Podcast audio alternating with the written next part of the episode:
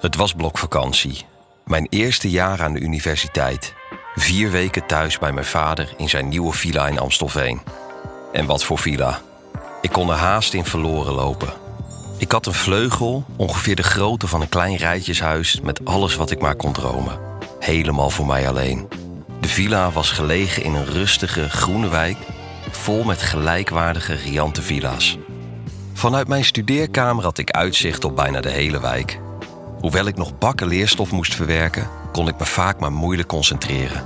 Ik werd afgeleid en genoten van om de bewegingen in de wijk te volgen. Na een week begon ik al aardig wat patronen te herkennen. Wie wanneer s ochtends vertrok en wanneer iemand terug thuis kwam. Wie voor of na het werk in de wijk jochte. Bij wie veel pakketjes geleverd werden door de pakketjesdienst. En wanneer de postbode langskwam. Ik vond het boeiend om alles zo wat te volgen. Alsof het een soap was. Het neighborsgevoel maar dan in werkelijkheid. Maar die dag waren er nog andere gebeurtenissen die mijn aandacht opeisten. De nieuwe vriendin van mijn vader was ook continu thuis. Behalve bij het ontbijt, de lunch en het avondeten zag ik Sarah eigenlijk niet zo vaak. Ze was een stuk jonger dan mijn vader. Naar mijn idee een echte golddigger. Veel te knap om samen te zijn met nou, toch wel een wat oudere man. Hoewel ze het voor het geld niet hoefde te doen, had ze wel een kleine hondenuitlaatservice die ze tijdens de dag deed. Ze vertrok ochtends dus vaak vroeg om de honden van haar klanten uit te laten. En naast haar dagelijkse fitnessbezoeken hield het haar fit, zei ze. Zo zag ik haar dus vaak voor vertrekken en terug thuiskomen terwijl ik zat te studeren. Blijkbaar had ze ook een aantal klanten in de wijk, want ik zag haar af en toe voorbij komen met een of andere hond uit de buurt.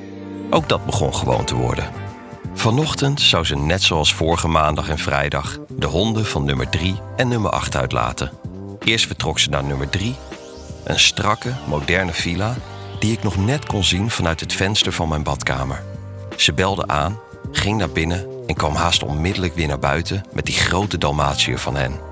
Ze kwam voorbij aan ons huis en was zoals gewoonlijk vertrokken voor een tocht van een klein half uurtje.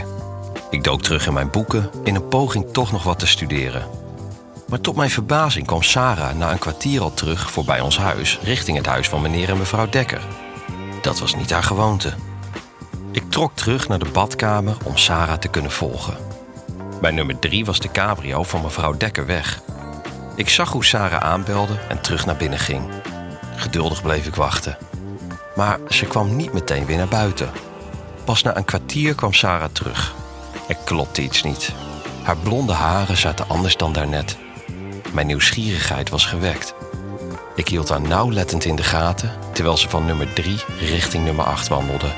Recht tegenover onze villa ging ze de oprijlaan van nummer 8 op. Ik zag hoe meneer Pieters opendeed en naar binnen liet.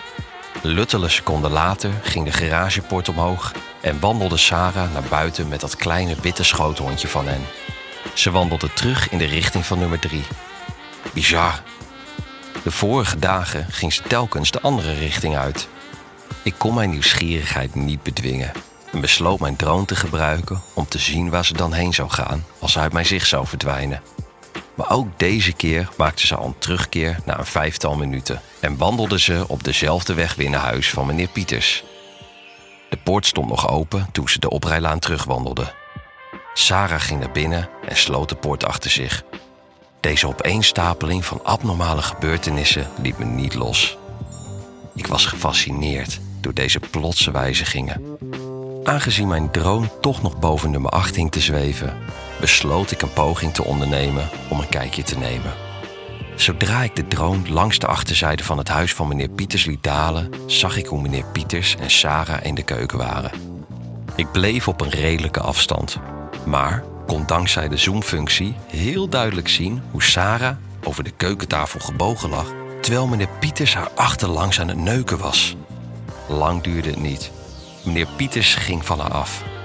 Sarah stond weer recht en trok haar rokje terug naar beneden terwijl ze zich fatsoeneerde.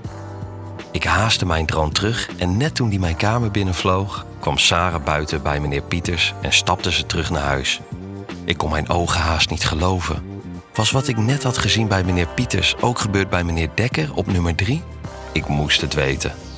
Ik besloot mijn stoute schoenen aan te trekken en ging naar beneden. Toen ik de keuken binnenkwam, schonk Sarah net een glas frisdrank voor zichzelf in met een rode blos op haar wangen.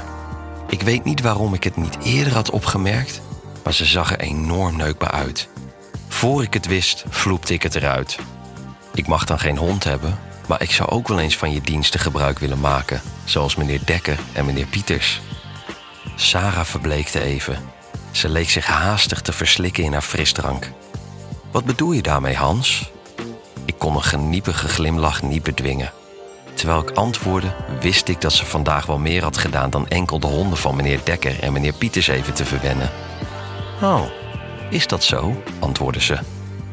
Wel, ik kan geloven dat een student zoals jij er ook wel eens behoefte aan heeft om zich even uit te leven.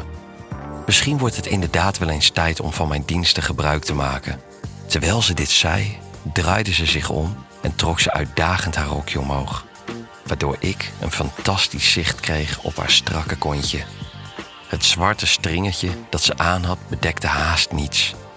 Wel, waar blijf je? vroeg Sarah ondeugend. Ik was nog half hard na haar daarnet te hebben begluurd met meneer Pieters. Maar dit uitzicht zorgde ervoor dat ik ineens vol hard werd. Ik kwam achter haar staan en nam die prachtige getrainde kont vast. Ik kon bijna niet geloven dat dit echt aan het gebeuren was. Ik wil dat je me neukt als een loopse teef, zegt Sarah. Ik kan mij niet langer bedwingen. Ik open mijn jeans en laat die tot op mijn enkels zakken. Ik trek haar zwarte string opzij en duw mijn harde staaf tegen haar natte doos.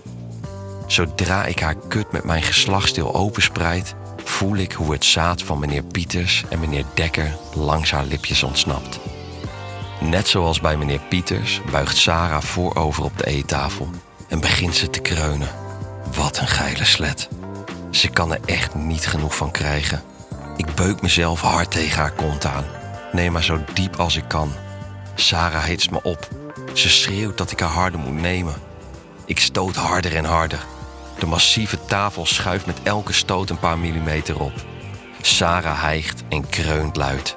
Ik grijp haar blonde haren vast en trek haar hardhandig tegen mij aan.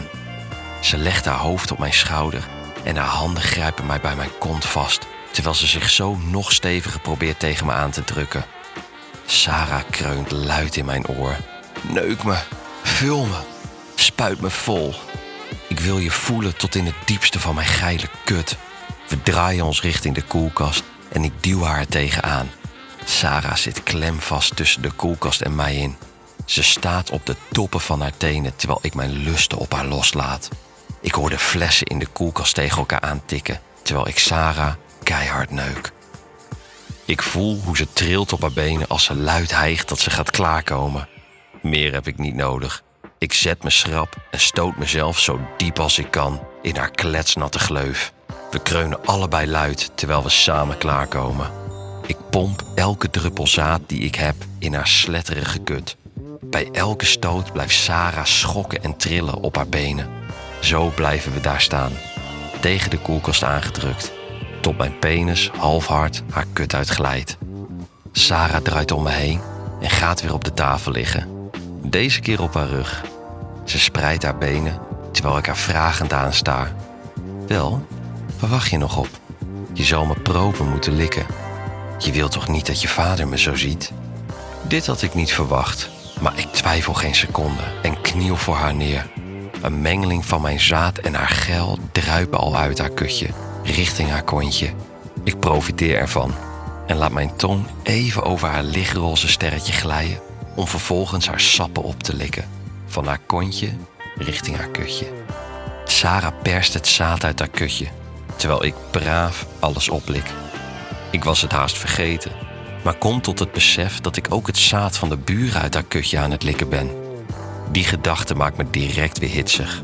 Ik lik en slik elke druppel van deze heerlijke cocktail en voel hoe mijn paal nog eens keihard wordt. Ik besluit mijn kans te wagen, duik dieper terug met mijn tong en begin gulzig haar roosje te likken. Ik merk aan het toenemende gekreun van Sarah dat ik haar goedkeuring krijg. Ik lik onophoudelijk haar strakke kontgaatje, tot mijn speeksel langs haar billen op tafel begint te druppen. Ik grijp haar billen weer stevig vast en sta recht voor haar.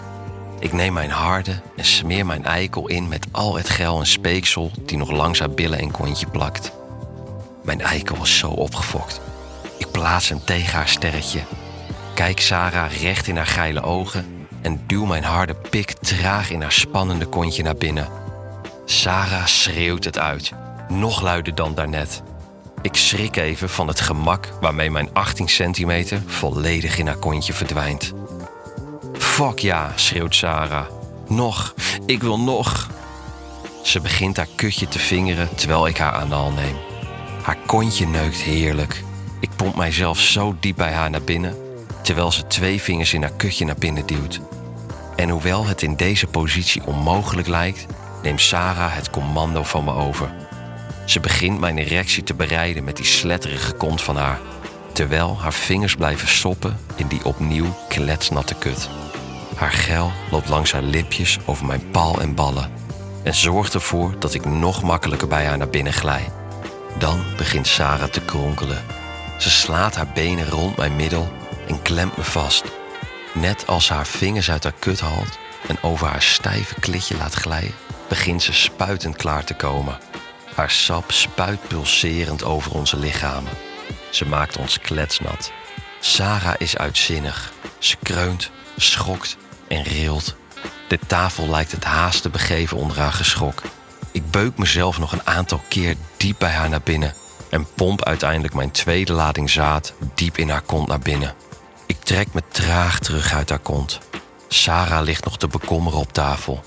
Ik trek mijn jeans weer aan en zeg dat ik weer wat ga studeren. Sarah kijkt me nog half versuft aan en antwoordt: Oké, je weet me te vinden als je nog eens een pauze nodig hebt.